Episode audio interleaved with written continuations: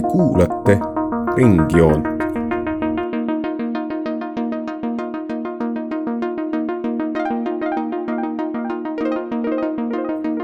joon ringis. saatesari Varjupaiksed. tere, kallid kuulajad, oleme siin stuudios, et salvestada oma teist episoodi ja selle korra teemaks on poliitika. Mõtlesime, et see on selline kena jätk ja võib-olla ka teistpidi kena algus, et räägime selle poliitilise jama siin alguses kohe ära. minuga on siin stuudios Solveig. tere! Harald. tere! ja meil on ka täna külaline, meie enda RSR-i liige Karl. tervist kõigile! ja mina olen tänane saatejuht Saskia. aga ilma pikema jututa, ilma pikema sissejuhatuseta, lähmegi siis esimese suure küsimuse juurde. et meil eh, esimeses saates äh, rääkisime päris palju Genfi konventsioonist ja sellest, äh, mida see ajalooliselt tähendab, kuidas asjad on. et sellest kui sellisest peamiselt äh, pagulasi ja nende rahvusvahelist staatust haldavast siis konventsioonist ja raamist. kuid neid raamistikke ja olulisi dokumente on veel teisigi et võtame hetkeks ka need pilgu alla ja kuidas siis nendega täpsemalt lood on? no ma tean, et äh, neid on tegelikult tekkinud alates kahe tuhande viieteistkümnendast aastat, et äh, me ilmselt mäletame üsna selgelt veel kahe tuhande neljateistkümnendat aastat, kus äh, Euroopasse jõudis siis see pagulashulk, mis, mis võttis meil natukene jalad alt ära. Ja tegelikult peale seda on tekkinud posu ka uusi deklaratsioone Äh, resolutsioone, konventsioone, mis siis äh, põhimõtteliselt äh, puudutavad ka siis pagulasteemasid, et meil on Addis Abeba Action Agenda, mis, mis siis vist enamjaolt puudutab just Aafrika riigi põgenikke. ja noh, meil on erinevaid arenguprojekte, et, et ka Eesti on muuhulgas siis hakanud liikuma nende arengu äh, Äh, koostööteemade poole, et, äh, et seda siis nii Lähis-Ida kui Aafrika riikidega. et äh, meil on selline arengukava, mis on ilmselt ka paljudel teistel maailma riikidel ja meil on siis noh, erinevad projektid, meil on erinevad bilateraalsed ja multilateraalsed kokkulepped, millega me siis tegelikult üritame siis seda kriise, seda kriisi olukorda siis leevendada koha peal nendes tõukeriikides nii-öelda ja noh, meil on veel New Yorgi deklaratsioon, meil on, meil on neid päris palju, et ma ei tea, kas keegi oskab veel pikemalt rääkida mõnest äh, spetsiifilisemast. seega näiteks see New Yorgi deklaratsioon, mis võeti vastu kaks tuhat kuusteist oktoobris ÜRO poolt. selle peamised punktid, commitment'id, mida siis nagu selle allakirjutajad täidavad, on, et kõige tähtsam on see, et äh, kaitsta hoolimata staatusest äh, inimeste õigusi, pagulaste, migrantide, põgenike, migrantide õigusi samuti tagada, et äh, kõik äh, põgenike lapsed saavad äh, haridust, hakkavad saama haridust mõne kuu jooksul pärast sihtkohariiki jõudmist. vältida ja ära hoida vägivald, näiteks seksuaalne vägivald, jah, nagu mit-, mitmeid deklaratsioone võttis ÜRO Peaassamblee vastu just nagu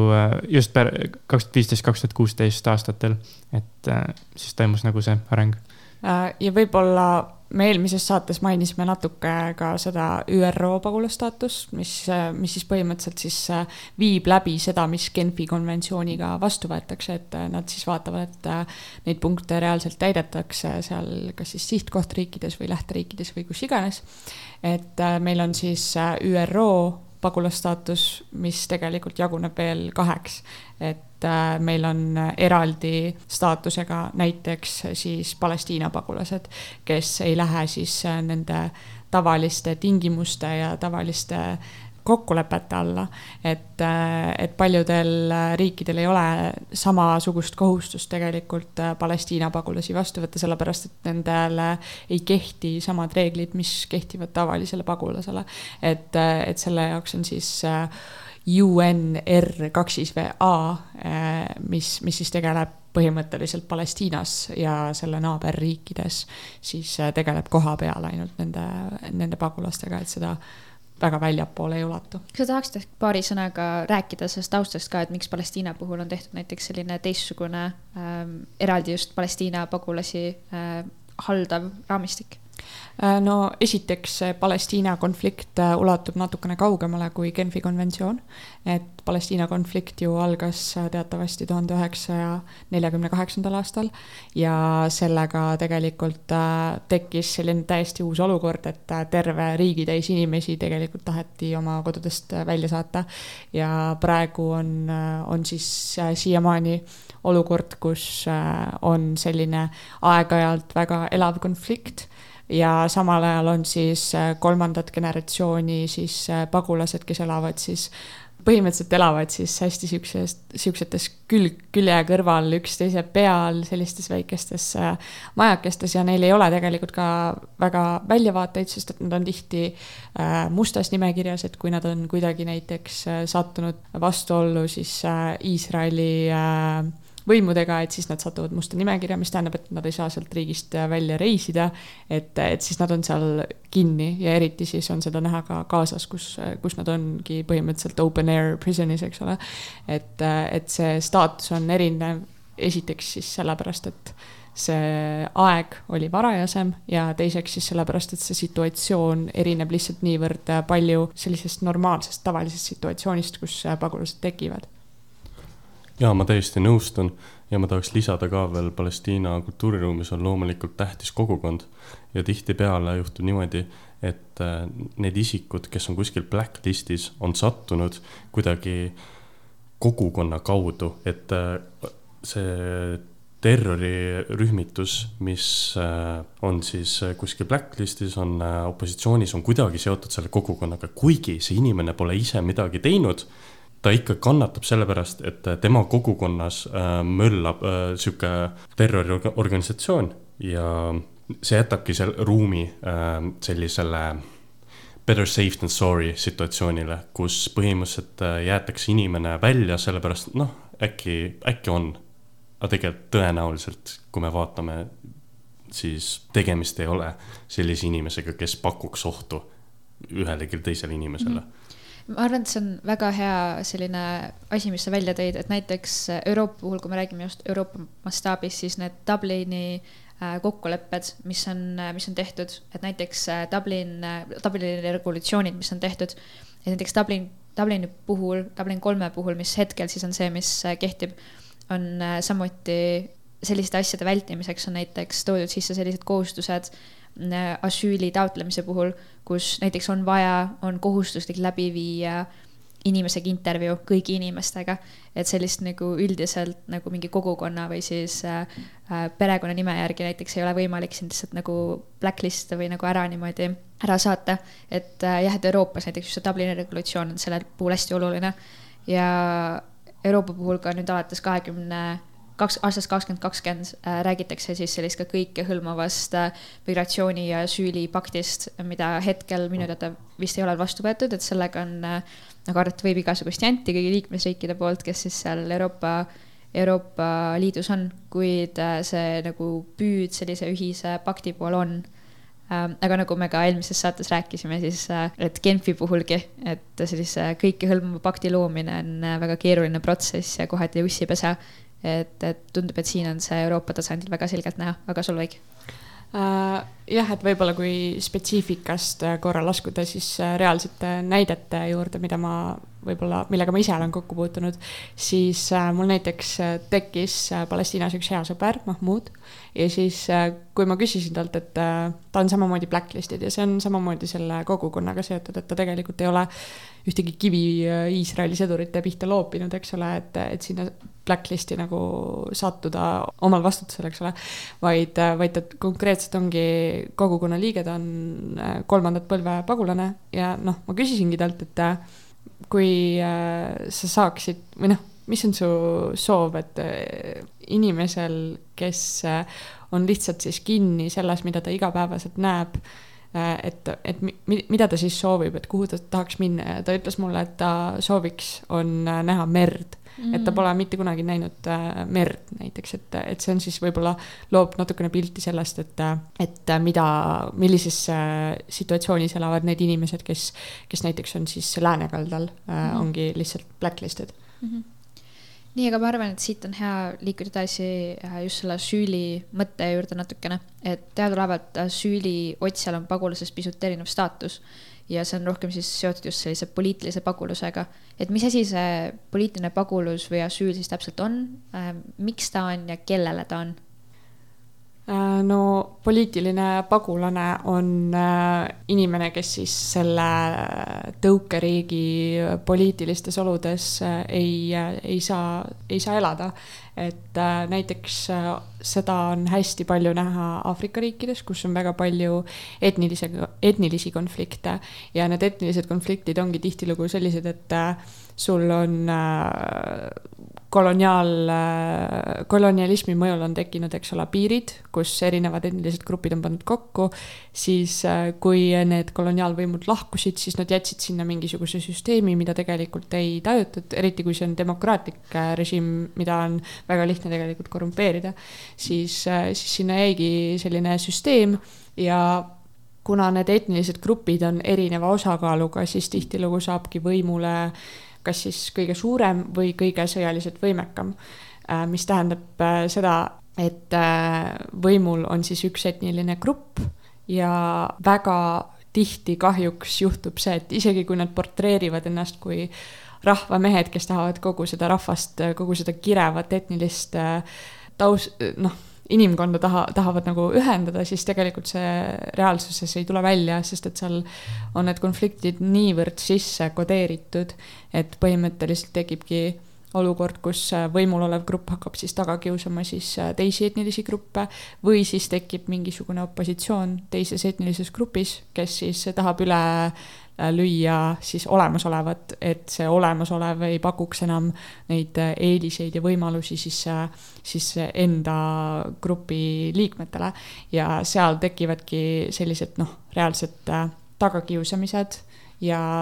tapmised ja noh, need eskaleeruvad väga tihti ka sõjaliseks konfliktiks või sõjaliseks riigipöördeks ja see on siis see koht, kus tekivad need poliitilised äh, pagulased ja noh see tõesti ulatub reaalselt äh, kolonialismi aega. ja poliitiline pagulus ei lange ainult äh, etniliste piiride hulka, see langeb ka loomulikult religioosse piiri hulka. ja me ei pea kaugemale kui Türgi vaatama, et äh, näha, kuidas poliitiline pagulane tekib. et Türgis on mitu religioosset vähemust, meil on aleviidid seal, meil on kurdid ja siis meil on loomulikult kohe Türgi piiririigo-, piirkondade juures on meil loomulikult Iraak, kus on sunnid ja šiiad ja mitud äh, sufi vennaskonnad leiavad, et äh, nende valitsus hetkel kiusabki nende uskumisi taga ja nad ei leia enam äh, õigeks, et nad peaksid seda kannatama, sest nad ei saa oma kodumaal enam läbi viia oma usulisi praktikaid, nad ei saa elada nii, nagu nad on elanud, nagu nende generatsioonid on elanud seal tuhandeid aastaid ja niimoodi tekib äh, poliitiline pagulane, et kui nad ei saagi läbi viia neid rituaale ja asju, mis nad on teinud seal aegade algusest. ja võib-olla kolmandaks ma mainiks ära ka totalitaarsed või autoritaarsed režiimid et äh, seal äh, on siis, tekib poliitiline pagulane siis opositsiooniliikmetest tavaliselt, et äh, väga paljudes riikides tegelikult tekibki olukord, kus see võimul olev isik või isikud näevad siis äh, äh, ohuna väga suurt inimgruppi, et ja see inimgrupp põhimõtteliselt siis muutubki tagakiusatavaks ja neid hakatakse siis tapma, neid saadetakse koonduslaagritesse ja see on siis võib-olla selline kolmas äh, suur äh, murekoht, kuidas, äh, kuidas tekivad poliitilised pagulased, et, et see režiimitüüp lihtsalt ei, ei poolda sellist noh, normaalset inimelu seal et sellisel juhul me võime rääkida näiteks sellest Valgevene opositsiooni liidrist Svetlana Tšihhanovskajast, eks ole, et see on selline meile võib-olla üks lähemaid näiteid. Ja noh, lõppkokkuvõttes siis asüüliotsija, mis ei ole siis äh, sünonüüm tegelikult poliitilise pagulasega, aga asüüliotsija on siis põhimõtteliselt siis inimene, kes äh, lahkubki oma äh, riigist, et, et siis saada kaitset kogu selle tagakiusamise, kogu selle vägivalla, kõige selle vastu. Ja noh, teistel riikidel on või noh, sellel inimesel, kes siis lahkub oma riigist, tal on, tema inimõiguste hulka kuulub see, et ta võib seda asüüli otsida ja teiste moraalne kohustus oleks siis äh, seda inimest noh, vastu võtta. ja noh, praegu väga aktuaalne on äh, ka noh, Venemaa opositsiooni liikmete ja üldse noh, teisi, nii-öelda teisiti mõtlejate põgenemine, mis on äh, mis on nagu võib-olla eraldi teema, mis noh, ütleme, see puudutab meid ka noh, väga otseselt nagu näiteks äh, me oleme kõik Tartu Ülikooli tudengid, eks ole, ja siis noh, Tartu Ülikool võttis vastu otsuse mitte võtta rohkem Venemaa ja Valgevene tudengeid. ja see on nagu väga nagu noh, poliitiline otsus, eks ole, üsna selge, et mis noh, see, see noh, meil pole väga aega nagu sellesse nüüd nagu otseselt süübida, ma arvan, aga,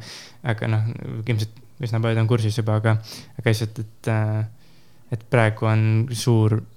poliitilise pagemise, samal ajal kui on Ukrainast äh, noh, ilmselgelt sõjapõgenike laine, siis on ka Venemaalt äh, see poliitiline pagemine on asi ja just hiljuti vist äh, jälle avati mingid bussiliinid ja noh, nüüd Venemaa, Vene pool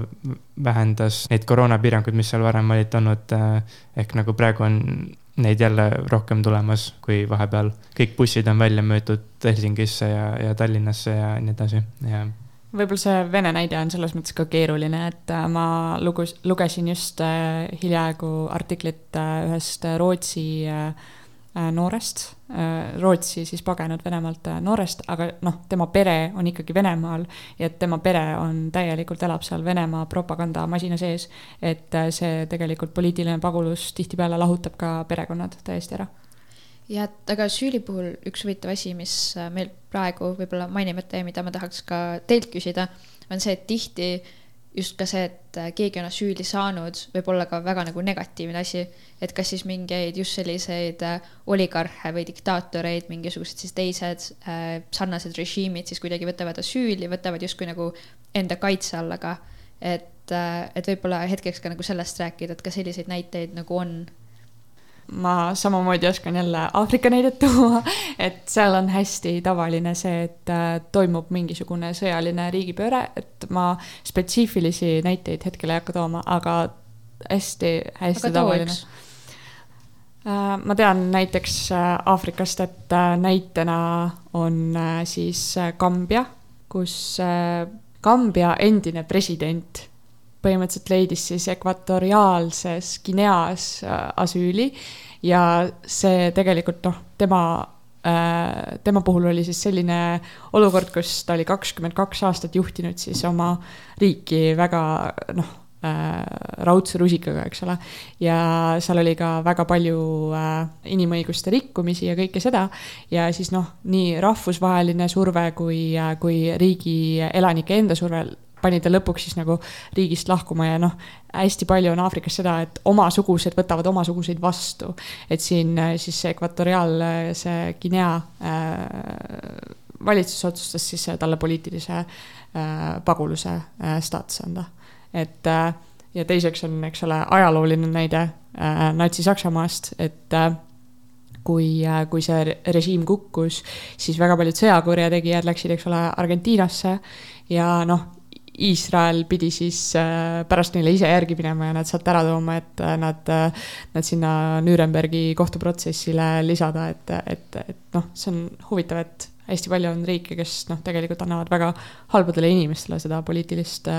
seda noh, omamoodi võib-olla jah, nad on ka siis lõpuks saavad oma riigis poliitiliseks opositsiooniks. ja neid ilmselt siis kiusatakse taga kõigi nende kuritegude eest, mis nad toime panid. aga nagu ma ei tea, see on väga-väga vastuoluline minu arust. see on nagu selle mehhanismi ärakasutamine põhimõtteliselt, noh jah aga, aga see on ka, ma arvan, siin oluline pool, et, et me tõesti, kui me väärtuspõhiselt ka räägime asjadest, on ju, et me ilmselgelt nagu peame andma, kuna see on väga oluline asi, anda süüli ja poliitilist pagulust, aga samas sul on jällegi ka siis sellised nii-öelda tagauksed, mida saab kasutada, on ju. aga võib-olla tuleme siis natuke kodule lähemale ja räägime rändest Euroopas hetkeks et äh, kuidas Euroopas ränne toimib, et me oleme rääkinud äh, Dublini, Dublin kolmest, oleme rääkinud sellest, et siin on üritatud viimased, äh, no tahaks öelda seitse aastat juba nüüdseks juba vist isegi rohkem, üheksa peaaegu, võtta vastu sellist ühist rände, rändepoliitika raamistikku, kuid see ei suju kuigi hästi. et äh, mis siis, mis siis probleemiks on või mis takistab meid? no siin saab kohe välja tuua, eks ole, Brexiti näite ma ütleks, et äh, enne Brexitit meie jaoks oli tavaline, et me lähme, käime Inglismaal, me võib-olla isegi lähme sinna mõneks ajaks tööle, ma ise olen isegi Inglismaal töötanud, eks ole. ja üks hetk äh, nad ütlesid, et äh, me ei taha enam osa, olla osa sellisest süsteemist ja noh, äh, meile õnneks siis võib-olla mõnes mõttes see Brexit ei ole väga hästi välja kukkunud, mis tähendab, et need riigid, kes algselt siis kaalusid sama asju, et meil oli, eks ole, Frexit, äh, Marine Le Pen ja kõik, kõik need teemad, et, et need on natukene tagasi tõmbunud. et ikkagi nähakse, et äh, see ühtne süsteem, kus, kus saab niimoodi liikmesriikidega piirideüleselt nagu läbi käia, eks ole. et, et see ikkagi on rohkem kasulik kui kahjulik, et äh, aga Brexit on üks näide, miks äh, mingid ultranatsionalistid siis veavad äh, mingit agendat, kus, kus siis tegelikult äh, ollakse selle vastu, et keegi teine peale nende rahvusest inimene tuleb, tuleb nagu neile tööd otsima siis või, või, või mida iganes tegema et siin hakkab siin äh, rahvusriik ja piirid hakkavad jälle rolli mängima, nagu me esimeses saates rääkisime, aga võib-olla meie saatesarja lõpupoole meil tuleb siis ka ehk integreerumise juures nagu rohkem sellest natuke juttu. aga, aga mis need siis, äh, need, need viisid on, kuidas Euroopa on tegelenud oma, oma rändeküsimusega alates aastast kaks tuhat viisteist? no siin on ümberjagamine, eks ole, et noh, me teame, et äh, suur osa algselt läks, eks ole, kuskile äh, Äh, üle Vahemere Kreekasse, Türki, Itaaliasse, nagu juba mainisime. aga noh, see on ju selge, et need riigid ei saa siis üksi kanda seda koormat, mis tähendab, et äh, Euroopa Liidu liikmesriigid on võtnud mingisuguse, vastu siis mingisugused kvoodid ja sellega siis jagatakse need inimesed ümber teistesse Euroopa riikidesse. et noh, Eesti võtab siin oma paarsada inimest vastu ja vingub ka seejuures, eks ole, aga on, on riike, kuhu ikkagi läheb äh, tuhandeid et äh, Saksamaa võtab väga palju vastu, äh, Rootsi võtab väga palju vastu ja tegelikult see põgenikevool on, äh, on, on siiamaani väga aktuaalne, neid tuleb endiselt. Ja seda nägime me Afganistani kriisiga, meil tuli terve hulk Afganistanist inimesi, nad tuleb ka samamoodi ümber jagada. Võib-olla USA-s on see natukene teistmoodi, sest et seal on ikkagi osariikide piirid, et nad ei see ümberjagamine toimub ilmselt siis osariikide piiride sees, aga noh, jah, Euroopas on see tõesti siis liikmesriikide vahel, et meie oleme siis selline ühendus. ma räägiks veits äh, Euroopa Liidu äh, immigratsioonipoliitikast. Euroopa Liit äh, Euro-, Europarlamendi lehekülje järgi põhimõtteliselt so, soodustatakse integratsiooni, aga selgelt on öeldud, et võideldakse Äh, ja nagu illega-, illegaalse just jah, just illegaalse immigratsiooniga põhimõtteliselt jah. et ja siis, et äh, Euroopa Liit äh, hoiab eost ära ja vähendab seda. ja samuti on olemas ka need lepingud, millega kolmandatele riikidele, et kui inimene ei täida enam neid tingimusi, et ta ei peaks olema enam paguluses või selles teises riigis, siis, siis nagu saata ta tagasi sinna riiki. aga on ka eraldi asüülipoliitika, noh, mis põhineb selgelt nagu öeldud äh, non-refoulement põhimõttel, millest me vist rääkisime esimeses osas ka, eks ole. et ehk selle järgi on keelatud saata inimest tagasi kohta, kus võib olla oht tema elule või mm. inimväärikusele. ja noh, et sellest lähtutakse ühesõnaga. aga noh, siinkohal on Eestis näiteks jälle juhtumeid, kus äh,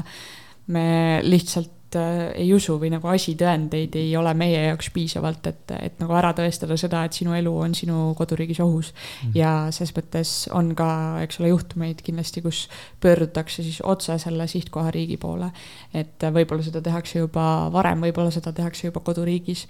et äh, ei, ei tulda kuskile piiri äärde ootama või kuskile pagulaskeskusesse ootama, et, et pöördutakse juba varem, otsitakse siis äh,, otsitakse siis asüüli ja noh äh,, väga paljud riigid tegelikult lükkavad neid äh, abipalveid tagasi. et äh,, et see on noh, Eestis on päris mitu sellist juhtumit olnud mm. -hmm. aga nende nii-öelda selliste bilateraalsete või multilateraalsete lepingute poole pealt äkki tõmbaks ka nüüd nagu korraks maailmale, maailma mastaapi ennast et, et nagu Euroopa Liidu siseselt me saame tehagi Euroopa Liidu selliseid multilateraalseid lepinguid, mis meile siduvad, aga, aga maailma tasemel vist peamised ongi need ÜRO lepingud, millest me rääkisime, ÜRO raamistikud. kuid rände puhul me räägime ikkagi sellistest äh, sellist suurtest probleemidest nagu inimkaubandus äh,, haavatavus, see haavatavus, mis inimestel on, kui nad üritavad liikuda ja ja piiride ületamise probleemidest üldiselt, olgu siis see kas mingi veepiiri probleemid, olgu see olgu see siis mingi ohtlikud piirid, ohtlikud piirkonnad. majanduslik võimekus just, et, et kuidas, kuidas see ränne siis äh, üldiselt toimib, kuidas on see maailmas reguleeritud, et kui me räägime, et näiteks Euroopa Liidul oli, Türgiga olid lepingud, et nad maksid siis Türgile raha, et nii-öelda hoida neid pagulasi seal, et äh, nii-öelda nagu justkui kinni kohati äh, need pagulaslaagrid, kus siis Euroopa enda, enda nii-öelda neid kvoote nagu täitis, kus nad siis, et otsustamine toimus justkui Türgi pinnal et äh, kuidas need kaalukausid nagu hetkel tunduvad rohkem kaldu olevat? no peamised raskused, me näeme, et äh, enamik äh, asüüliotsijad tulevad siis äh,, rändavad üle Vahemere ja. Euroopasse siis. ja Euroopasse ja see toimub tihti läbi Tuneesia või äh, Liibüa või Algeeria ja need põhimõtteliselt need äh, sadamad, kus äh, asüüliotsijad tulevad nüüd, ongi põhimõtteliselt äh, kohad, kus asüüliotsijad langevad kõige rohkem ohtu. et me näeme, kuidas seal makstakse eluhinda lihtsalt, et sattuda uuesti, sattuda põhimõtteliselt orjandusse, sest orjandus on Põhja-Aafrikas veel täielik asi. ja me näeme nüüd, kuidas Liibüa pärast sõda oli, äh, oli destabiliseeritud ja siis seal äh, äh, hakkasid ka tekkima siuksed põhimõtteliselt, see oli põhimõtteliselt ärimudel, mis võeti ette kohalike poolt, et kui nähti, et inimestel oli soov minna Euroopa üle Vahemere, pakuti võimalus, mis hinna eest. ja siis need inimesed hakkasid rohkem, rohkem nagu kuritarvitama seda inimeste haavatust ja tihtipeale ongi see, kui pole pakutud sihukest ähm, võimalust inimestel tulla, teha asja turvalisena, siis saadu, satuvadki inimesed kas inim-, kaubandusse, orjusesse, seksuaalselt kasutatakse ära või mõrvad, kõik röövimised, kõik on lihtsalt seal olemas. ja siis me näemegi, et isegi need tingimused, kui makstakse eluhinda, et saada üle Vahemere näiteks, see see väga eluohtlik ikka, me oleme nüüd näinud, paar aastat tagasi oli see pilt, kuidas lihtsalt Itaalia rannas oli pagulaslaps oli lihtsalt vee pealt nagu rannale üles, üles tulnud ja kindla peale see pole ainuke ja see pole viimane, kui sihukest asja tehakse. aga mul on ka kohati tunne, et selle inimkaubanduse nagu nii-öelda mitte nüüd tagasilükkamise, aga inimkaubandusega võitlemise nimel tehakse mingeid poliitilisi samme, äh, mille taustal on tegelikult just selline antimigrandi mentaliteet. et kasvõi see, mis toimus siin Vahemeres, kui sadamad ennast kinni panid, et sul nagu ei olnud võimalik või keelati äh, siis nii-öelda neid äh, paatidele nagu vastu minna rannavalvuritel. et sellised sammud, et nii-öelda seda tõmbeefekti vähendada, on minu arust nagu ikkagi väga nagu anti migrandi sammud. ja see mentaliteet, ma, ma, ma arvan, ma nagu saan ka aru kohati, kust ta tuleb, et nagu see, et kui inimesed nagu kuulevad, et, et nad on nagu, et nad, et inimestega juhtub ja neid ei võeta vastu, et siis nad ehk ei tule nii palju, et see justkui tegelikult on nagu A, järeldusest või oletusest A järeldus B aga samas tegelikult, kui sa mõtled, inimesed ei tule lihtsalt sellest sama mugavuspagulusse, mis on meil küll järgmine episoodi teema ja need stereotüüpe nagu ümber lükata oli just see mõte, et kui, et, et see tulebki sellest kohast, inimesed tulevad nagu magu, mugavuspõgenikuks. aga tegelikult, kui sa tuled päriselt sõja eest ära, siis sa võtad selle šanssi, on ju. et tegelikult see ei vähenda seda inimeste tulekut selliste nagu sammudega, mida, mida siis varjatakse justkui selle sama inimkaubanduse kuidagi takistamisega. et mul nagu selle koha pealt võib-olla siis äh, tekiks ka nii-öelda järgmine küsimus selle tõuke ja tõmbe osas et mis on meil hetkel täna olulisemad tõuke- ja tõmberiigid ja ka nendest muutustest ehk natukene arutada, et ma teen ise otsa lahti, defineerides ära, mis on tõuke- ja tõmberiigid meie kallitele kuulajatele. et tõukeriik on siis riik, kust inimesed lahkuvad ja tõmberiik, riik, kuhu inimesed lähevad. ja tõukeriike on noh, nagu me oleme nimetanud, võime rääkida, on Süüria, on Palestiina, siis on ju Palestiina aladel ilmselgelt on äh, Aasias võime rääkida Myanmari piirkonnast, kus siis Rohingja kriis on pikaaegselt olnud. võime rääkida veel siis nagu erinevatest aktiivsetest äh, sõja, sõjakolletest Ukrainast, võime rääkida täna, võime rääkida sellistest kohtadest, kus ongi keeruline. tõmberiikideks siis on siis Euroopa, Euroopa Liit tervikuna, on Kanada on olnud äh, ka erinevalt ajalooliselt, näiteks Vietnami sõja ajal oli Hongkong, kes tänapäeval tegelikult üritab enda tõmberiigi staatust kaotada ja sellepärast on tekkinud ka seal äh, selline väikene probleem,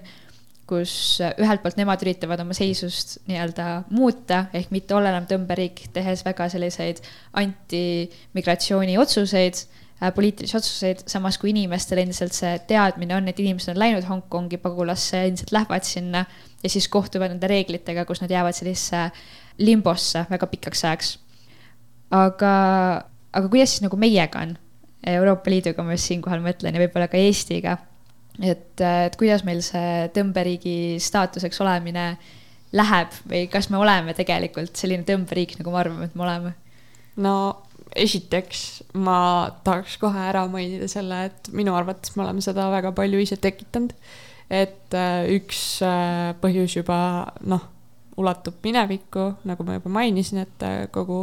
kogu, see koloniaalminevik, mil, mille vastutust kannavad ikkagi Euroopa riigid. ja teiseks tegelikult me oleme hästi palju tekitanud olukorda, kus inimesed vaatavadki Euroopat ja vaatavad USA-d ja nad vaatavad äh, neid äh, riike nagu, nagu sihuke, sihukest land of opportunities, eks ole. ja samamoodi, kui sa lähed äh, kuskile vaesemasse riiki, siis äh, tegelikult kuna sa oled Euroopast tulnud turist, eks ole, siis sinu poole pöördutakse oportunistlikult, et, et arvataksegi, et sul on hästi palju raha, kuna sul on võimalus siia reisida. Ja me oleme tegelikult hästi palju neid stereotüüpe enda kohta tekitanud, sellepärast et